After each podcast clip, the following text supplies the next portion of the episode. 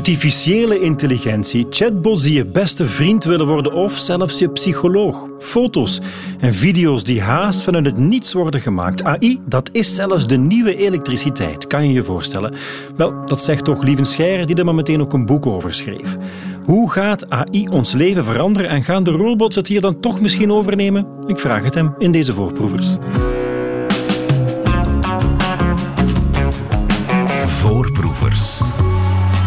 Lieve Scheire, jij moet overbevraagd zijn deze dagen. Er is jouw boek Artificiële Intelligentie over een wonderlijke vorm van software die overal rondom ons heen is. En er is uiteraard ook nog jouw theatertournee. Ik vermoed volle zalen. Eh, ja, die theatertournee die loopt heel goed. Eh, ik heb het onderwerp gekozen, artificiële intelligentie, ongeveer vier jaar geleden.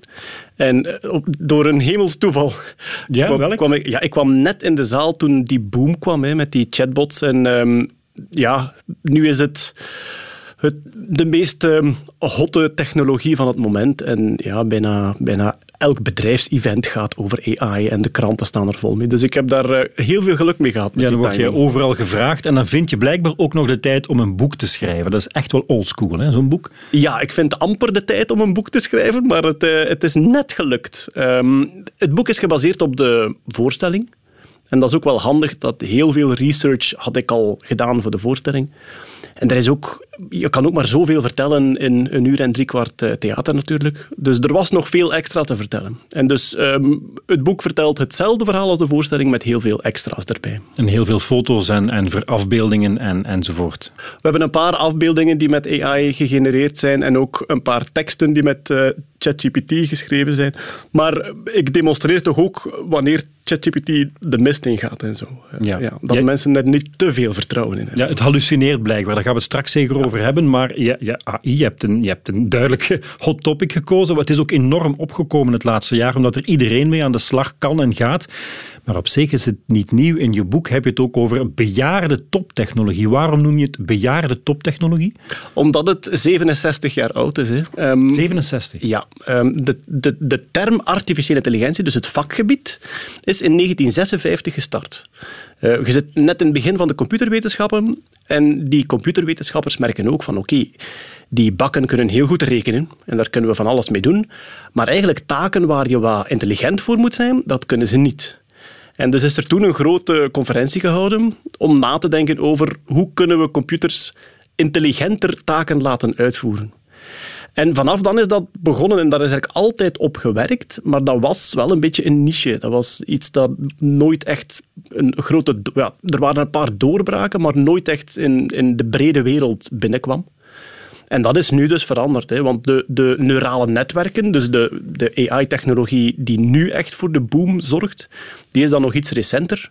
En die heeft de grote doorbraak in 2015 een beetje gehad. Maar het, het hele vakgebied, artificiële intelligentie, is 67 jaar oud. maar hoe maak je dan computers intelligent? Want je zegt ze kunnen rekenen. Goed, rekenen begrijp ik. Maar hoe word je dan intelligent als computer? Eh, dat is, dat is het hele probleem van de term artificiële intelligentie. Daar is eigenlijk geen afgeleide definitie van. Um, het wordt omschreven als computers die taken kunnen uitvoeren waar je normaal menselijke intelligentie voor moet hebben. Wat is het gevolg? Telkens als een computer iets kan, eh, valt het niet meer onder artificiële intelligentie, volgens sommigen. Um, schaak is daar het voorbeeld van. Uh, mensen in, in, het begin van de computerwetenschappen dachten ze, als een computer kan schaken, mhm. dan heeft hij toch duidelijk inzicht en intelligentie. Dus kan redeneren, kan nadenken, strategisch denken. Inderdaad. En toen kwam Deep Blue, die, die Kasparov uh, verslagen heeft, eind jaren 90. En toen die software bekend werd, van ja goed, dat is een computer die heel snel enorm veel posities kan afgaan en kijken wat de beste optie is. En toen dachten ze, oké, maar dat is geen intelligentie, dat is gewoon heel hard rekenen. Dus het is moeilijk om, om, om te vatten, ja, wat is dan nu intelligentie in een computer? Natuurlijk, wat je nu ziet met die ChatGPT en met die taalmodellen, ja, dat is iets wat ons immens overtuigt, omdat dat vlot antwoordt op een vraag. En dan krijg je echt het gevoel dat ding weet waar het over praat. Terwijl het eigenlijk ook weer een trucje Ja, want weet het waar het over praat? Nee, het Ah, is Hoe komt dan dat hij zo zinvolle antwoorden lijkt te geven? omdat hij getraind is op heel veel vlotte tekst op het internet. Ja, Dus- misschien nog eens uitleggen wat ChatGPT is. Ja, ChatGPT is een chatbot. ehm, dus eh, chatbots kennen we al lang. Maar vroeger merkte je heel snel, als je aan het praten was met een chatbot, dat die geprogrammeerd was met bepaalde regels om op een bepaald woord te reageren enzovoort. En die nieuwe taalmodellen, die werken met ehm, next word prediction. Dus eigenlijk, je schrijft een zin, je stopt op een bepaald moment. En dan moet dat systeem gaan berekenen wat zijn mogelijke volgende woorden. En zo vullen ze eigenlijk hele zinnen, hele teksten aan. In het begin werkte dat niet helemaal perfect. Dat is bijgetraind, bijgetraind, ehm, nog meer rekenkracht ingestopt. Want ja, eigenlijk krijgen die enorm veel tekst die online gevonden is, krijgen zij te zien als voorbeeld. En het neurale netwerk moet zichzelf dan aanpassen tot het zo goed mogelijk gelijkaardige teksten kan schrijven. Dus eigenlijk als, als ik schrijf eh, in ChatGPT welke kleur heeft een banaan, dan denkt ChatGPT niet na, maar is het getraind op het feit dat het woord geel doorgaans misschien bij banaan hoort. Eh, het- Zoiets? Ja, inderdaad. En dan is het ook getraind op het, op het feit dat op de vraag welke kleur heeft een banaan, het antwoord meestal geel is. Of dat als je zoekt in, in de buurt van het woord banaan online, welke kleur daar normaal gezien vaakst genoemd wordt, dat dat geel is bijvoorbeeld. Maar het feit dat dat ding ook kan, kan antwoorden op vragen die het nog nergens gezien heeft online, is wel ongelooflijk. En ja, dat noemen ze dan emergent gedrag. Dus dat eigenlijk, dat is daar niet in geprogrammeerd, maar omdat het netwerk zo complex is, komt dat er ook uit.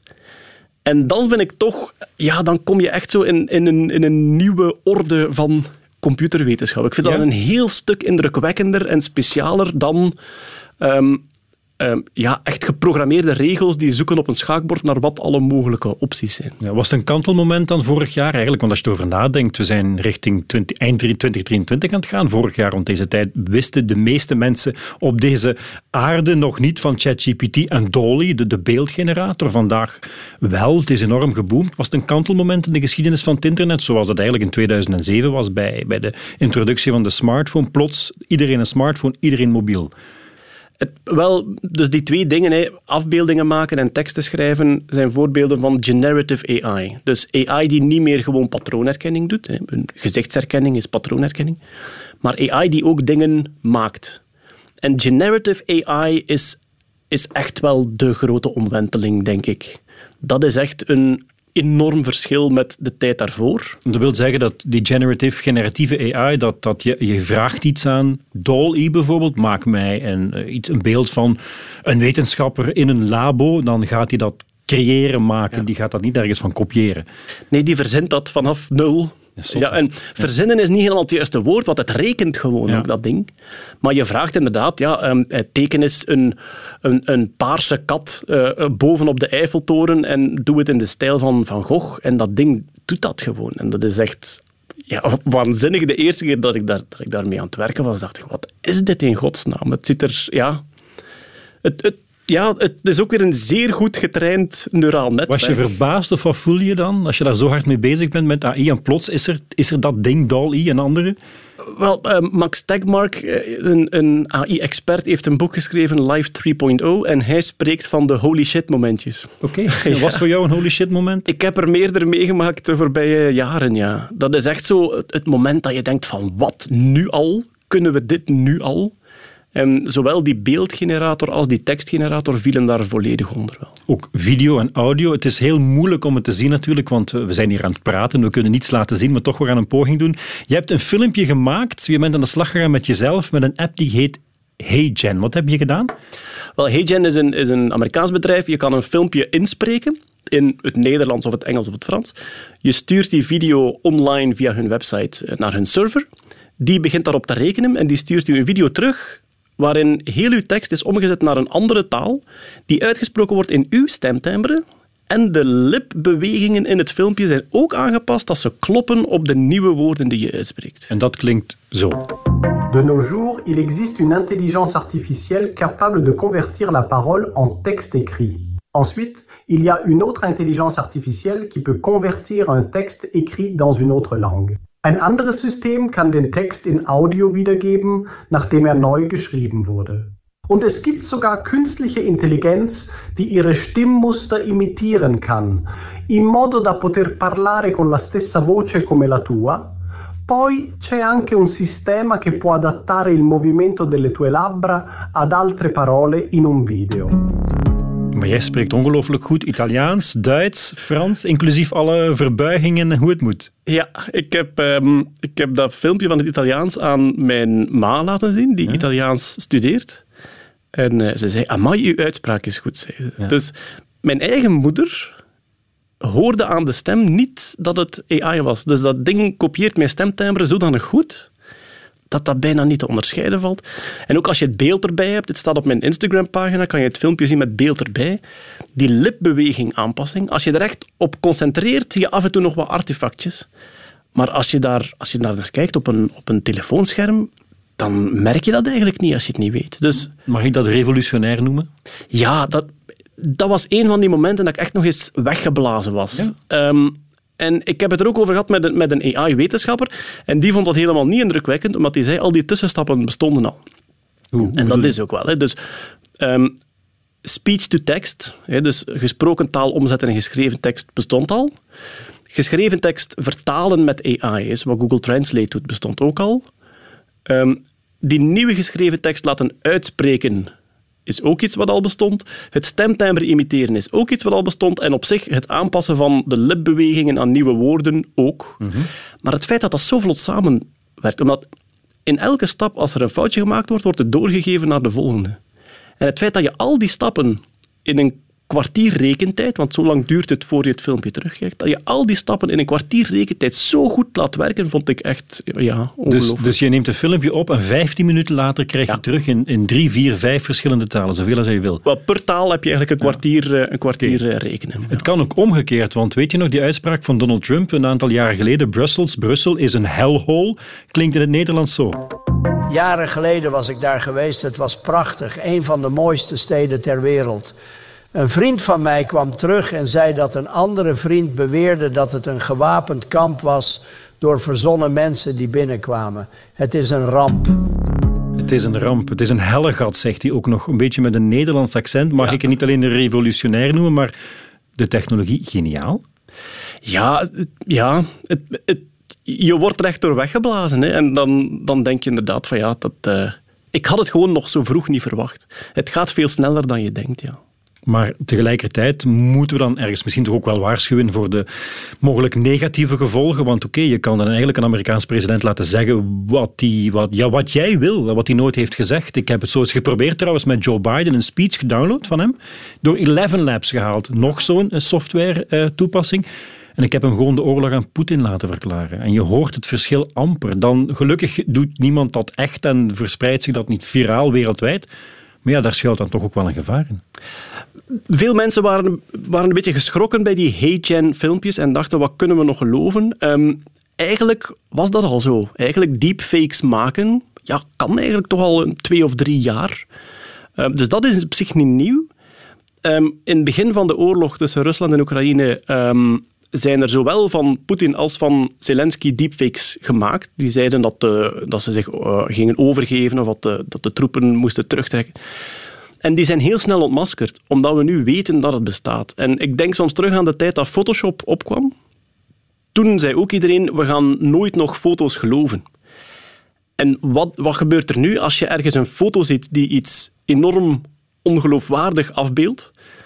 Dan ga je altijd een beetje nadenken over waar heb ik die gezien. Is dat op een schimmige website? Dan ga je er eigenlijk van uit dat het Photoshop is. Is dat op een betrouwbaar nieuwskanaal? Dan ga je ervan uit dat dat gecheckt is. En ik hoop dat dat bij die deepfakes wel een beetje hetzelfde gaat zijn. Je ziet hier en daar wel al nieuwsankers opduiken, vooral in het buitenland, die gewoon fake zijn. Die, die generatieve AI zijn, of wat dan ook, deepfake. Dat klopt, en dat, dat is iets wat heel dichtbij komt. Dat is dat je, je, zou, je zou perfect met een virtuele... Je zou perfect een, een, een nieuwslezer kunnen ontwerpen op de computer en die hele teksten laten uitspreken met een bepaalde stem en ook met een bepaalde mimiek. Of we, dat, of we dat leuk gaan vinden, of we dat willen, betwijfel ik. Ik denk dat we toch nog liever een echte mens gaan zien, zou ik verwachten. Ehm, ja, Ehm, en ook ja, wat je erin legt als, als, als mimiek en zo, als mens, doe je on the spot. en een AI-systeem zodat dan zo een beetje moeten afleiden uit de tekst. Dus het kan wel. Uh, je kan inderdaad een fake nieuwslezer bouwen en dingen laten uitspreken. Het zal hier en daar zeker gedaan worden. Maar ik hoop toch dat we nog een beetje gaan, meer gaan houden van de echte mensen. De echte mensen. Er zijn trouwens experten die zeggen dat 90% van alle inhoud online, foto's, video's, teksten, over een x aantal jaar, ja, dat dat 90% van alle inhoud online gaat zijn. Hoe, hoe, hoe sta jij daar tegenover? Ja, dat 90% door AI gegenereerd gaat zijn, het, het, eh, het kan. Um, ja, toekomst voorspellen is heel lastig. Hè. Um, uh, ja denk dat Rutherford, een fysicus, die zei um, voorspellingen doen is zeer gevaarlijk, zeker als ze over de toekomst gaan. Um, en dus ik, ik weet zo niet goed welke kant het uit zal gaan. Uh, dat die dingen heel snel nieuwsverhalen kunnen schrijven, daar zelfs afbeeldingen bij kunnen zetten, dat klopt volledig. Een gevaar waar nog meer voor gewaarschuwd wordt, is dat die AI-systemen misschien ook snel kunnen afleiden wie in welk fake nieuws zal trappen beetje wat Cambridge Analytica gedaan heeft, maar dan als mensenwerk. Echt gaan kijken op Facebook. We gaan bepaalde profielen dit nieuws sturen, want daardoor gaan ze eerder voor die of die persoon stemmen.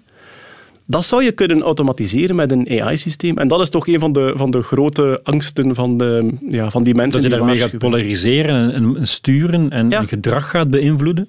Ja, wel, wat we, wat we, nu, wat we nu gezien hebben, de bewijzen komen steeds meer boven van de voorbije jaren dat er gedestabiliseerd wordt vanuit het buitenland. Hè. Rusland naar Europa, Rusland naar Amerika bijvoorbeeld. Dat er echt gestuurd wordt om daar een beetje ja, in de pot te gaan roeren, dat alles daar wat destabiliseert. Dat zou kunnen uh, gemakkelijker gemaakt worden met eh, AI ook. Ja. ja. en dan schrijf je ook in jouw boek, AI speelt een steeds belangrijke rol in de wereld om ons heen. Het gaat niet alleen over foto's en video's en leuke filmpjes die we kunnen maken. We moeten dringend nadenken over hoe we daarmee willen omgaan. Dat schrijf je dus Waarom moeten we dringend nadenken? Uh, ja, omdat dat, dat wordt steeds krachtiger. Um, daar moeten ook belangrijke keuzes in gemaakt worden. Hoe ga je om met gezichtsherkenning bijvoorbeeld? Wij zijn in Europa heel voorzichtig. Um, in Amerika mag er veel meer. Uh, daar kunnen privébedrijven met gezichtsherkenning werken enzovoort. Dat zijn allemaal keuzes. Willen wij dat of willen we dat niet? In Europa op dit moment mag de politie nooit met gezichtsherkenning werken ja, wil je in een geval van terreurdreiging niet een paar gezichten op gezichtsherkenning herkennen in luchthavens en treinstations? Dat zijn allemaal dingen die we gaan moeten beslissen.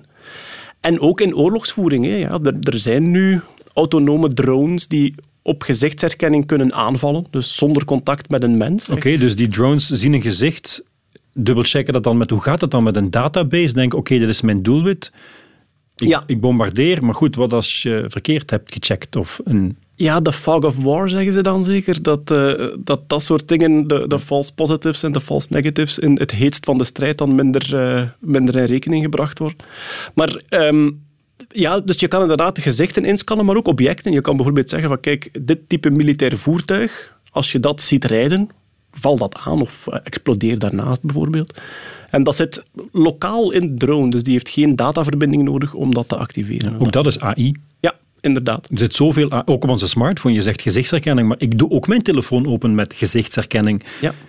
Ja. Dat vind ik heel praktisch. Het is mensen, ja, het is praktisch. Ja, en, en het zit overal. En gebruiksgemak heeft ons altijd al heel snel overtuigd om, om in dingen mee te gaan. Maar je zegt wel, we moeten er echt wel over nadenken, want er is een groter geheel dat we ook moeten durven zien, zoals de massale gezichtsherkenningen wereldwijd. Je quote ook iemand in jouw boek, een wetenschapper, Andrew Eng, zei ik het juist? Een Chinese wetenschapper? Hij is uh, Amerikaans-Chinees, ja. ja. En hij zegt, AI, AI is de nieuwe elektriciteit. Dan denk ik, oké, dan moet je mij eens uitleggen. Wat hij daarmee bedoelt is, net zoals elektriciteit vandaag overal rondom ons is, en heel de wereld draait daarop, en ook, we merken het niet meer op, elektriciteit is voor ons een evidentie. Um, je stapt zelden een gebouw binnen en je zegt van ah, tja, dat draait er op elektriciteit. Dat is gewoon de normaalste zaak ter wereld. En hij verwacht hetzelfde voor AI. Ehm, Andrew Ng is van, van de AI-corifeeën um, eentje die het minst in de doemscenario's, of minst angst heeft voor de doemscenario's. En hij zegt, dat komt wel goed met die AI. Dat wordt gewoon een dagdagelijks hulpmiddel dat overal rondom ons gaat zijn en dat we normaal zullen vinden, zoals elektriciteit nu. En eigenlijk zoals computers ook intussen. En ook al een beetje zoals internet ook. Dat zijn drie technologieën die, als ze nieuw waren, echt voor de futuristen waren. En die vandaag de normaalste zaak ter wereld zijn, waar we niet meer bij stilstaan. Ja, jij vindt dat blijkbaar evident, maar dan denk ik, jij moet daar mogelijk ook heel veel mensen van overtuigen, want na een van jouw voorstellingen, denk ik, schrijf je ook in je boek, is een man naar jou toegekomen die zegt, ik heb een kaaswinkel, ik heb dat niet nodig. En dan zeg jij... Mm. Inderdaad, ja, die zegt, god, het gaat allemaal rap en uh, het is toch gevaarlijk, maar gelukkig zit ik veilig. Ik zit in een laagtechnologische sector, ik heb een kaaswinkel, dus ik moet daar allemaal niet mee bezig zijn. En oké, als je dan terugkijkt naar de vorige revoluties, een kaaswinkel in 1910 die zag alle dure restaurants elektrisch licht aanschaffen en dacht bij zichzelf, ik ga nooit elektriciteit nodig hebben. Koeling was toen nog met ijs uit de ijskelder. Een winkel die toen sindsdien geen elektriciteit beginnen gebruiken is, die bestaat niet meer. Toen kwam de computer ik neem aan dat elke kaaswinkel dacht, al die computers in die, bij die universiteiten en grote bedrijven, ik ga uiteraard nooit een computer nodig hebben in mijn kaaswinkel. Vandaag draait elke winkel met computers.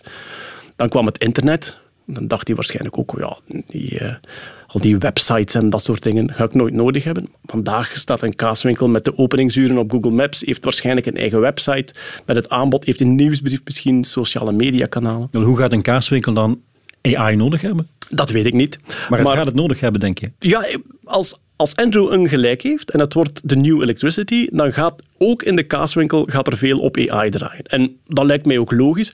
Ehm, je zou kunnen klanten herkennen op gezichtsherkenning en dan uh, onmiddellijk eigenlijk de lijst krijgen van wat ze de vorige keer besteld hebben. Ook een heel typisch AI-gebruik is um, patronen zoeken in aankopen dat, ja, daar, daar is het denk ik het eerst voor mhm. ingezet. U, uw online aankopen bekijken en daar een patroon in zoeken en proberen voorspellen wat je daarna gaat kopen. Kan bij die kaaswinkel ook. Ehm, misschien krijg je een uh, elektronische neus, dus een, een, sensor die allerlei geuren kan analyseren en die dan kan zeggen van ja, goh, ik merk dat uh, de brie dringend moet in uitverkoop gaan, want die gaat niet lang meer meegaan. Dus het zou van alles kunnen zijn, maar als Andrew Ung gelijk krijgt, dan uh, draait de kaaswinkel ook op AI in de toekomst. Misschien moeten we eens afspreken over twintig jaar in een kaaswinkel en de we AI... Gaan we gaan dat doen, maar moeten we dat dan omarmen, die nieuwe technologie? Want begrijp je de terughoudendheid, bijvoorbeeld ook in het onderwijs, waar men zegt, ja, ChatGPT moeten we dat wel gebruiken. Je hebt de voor- en de tegenstanders. Je weet ook, hè, je zegt uh, ChatGPT, je hebt het zelf gebruikt, het kan hallucineren.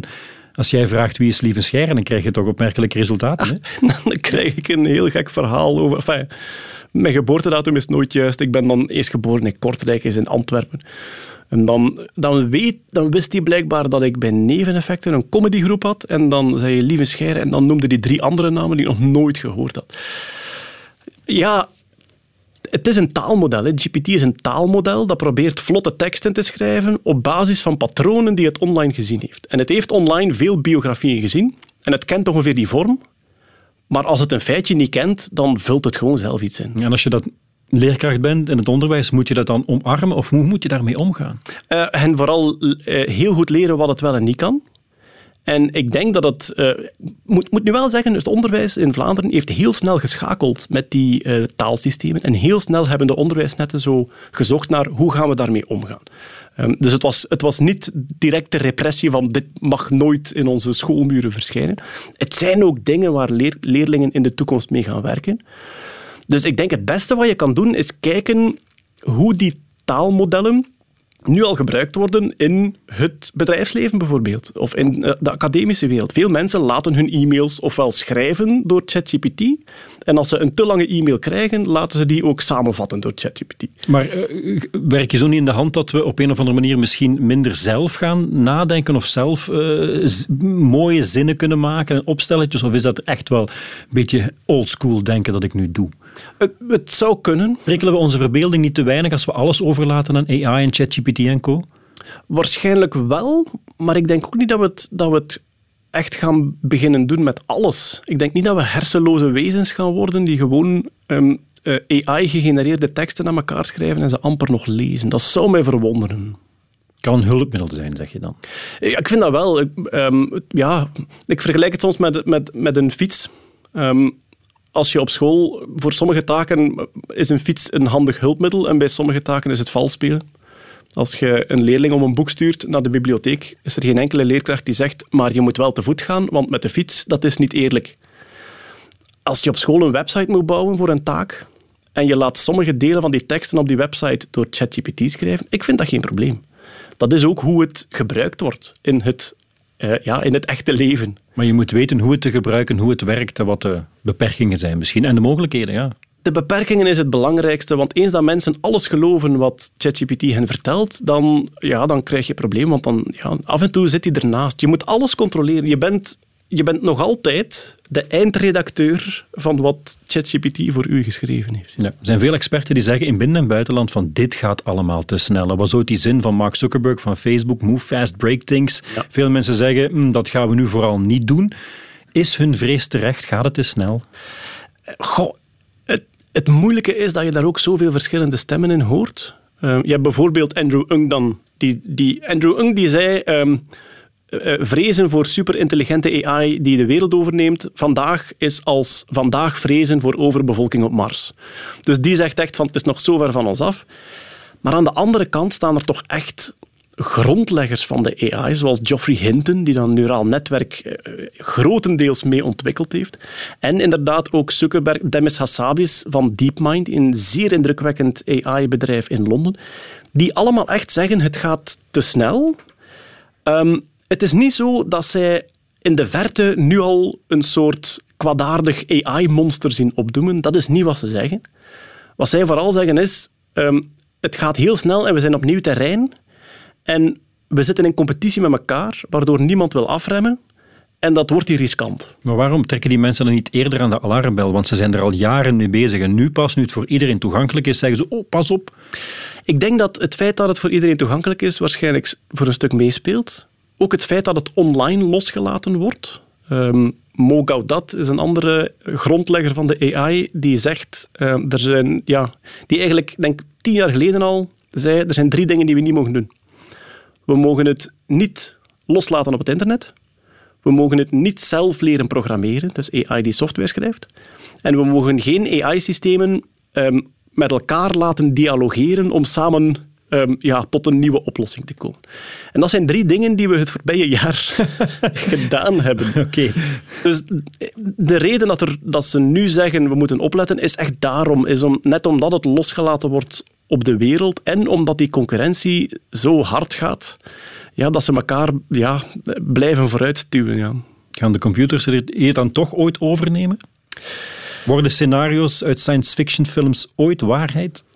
de kans is niet nul, maar het is ook niet super groot. Enfin, ja, het is niet het meest waarschijnlijke scenario. Um, je hebt, eh, vorige maand was het denk ik, was er een grote samenkomst in het Amerikaanse congres van de techbonzen van Silicon Valley met de expliciete vraag, wij hebben regels nodig.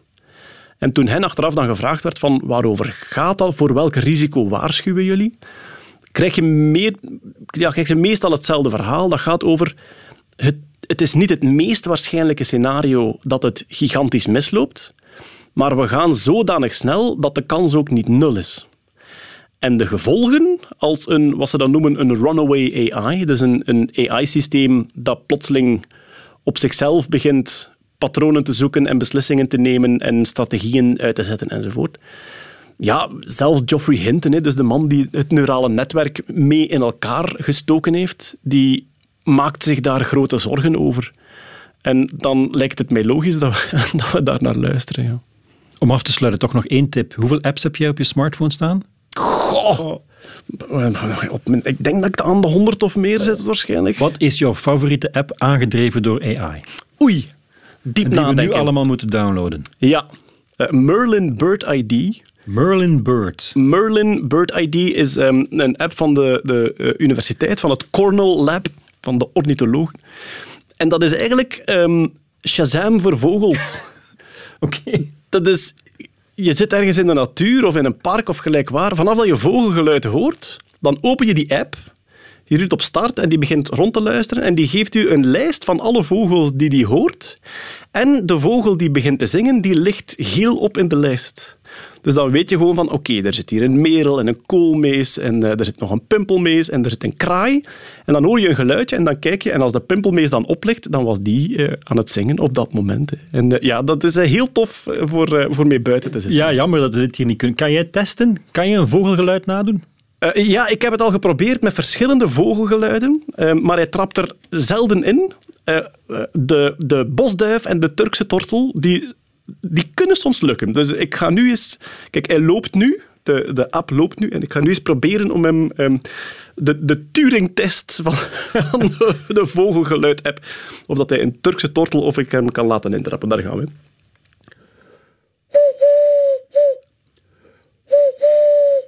Voilà. En eh, eh, wat verschijnt hier? Eh, de Turkse tortel. Ja. Van, dat, is van, dat is geniaal. Ja. Shazam voor vogelgeluiden. Ja, en dus Vogels. Alles wat geobserveerd wordt, komt ook in de waarnemingenlijst van eh, Cornell Labs. Dus het wordt ook gebruikt om eigenlijk natuurbescherming te doen. Er zal nu helaas een valse waarneming van een Turkse tortel in de Rijerslaan in Aan Brussel worden toegevoegd aan, eh, aan de databank. Ja. We onthouden, er zijn fantastische apps Zeker. in je broekzak, op de smartphone. Leven AI, beetje oppassen. Lieve Scheire, dankjewel. Merci.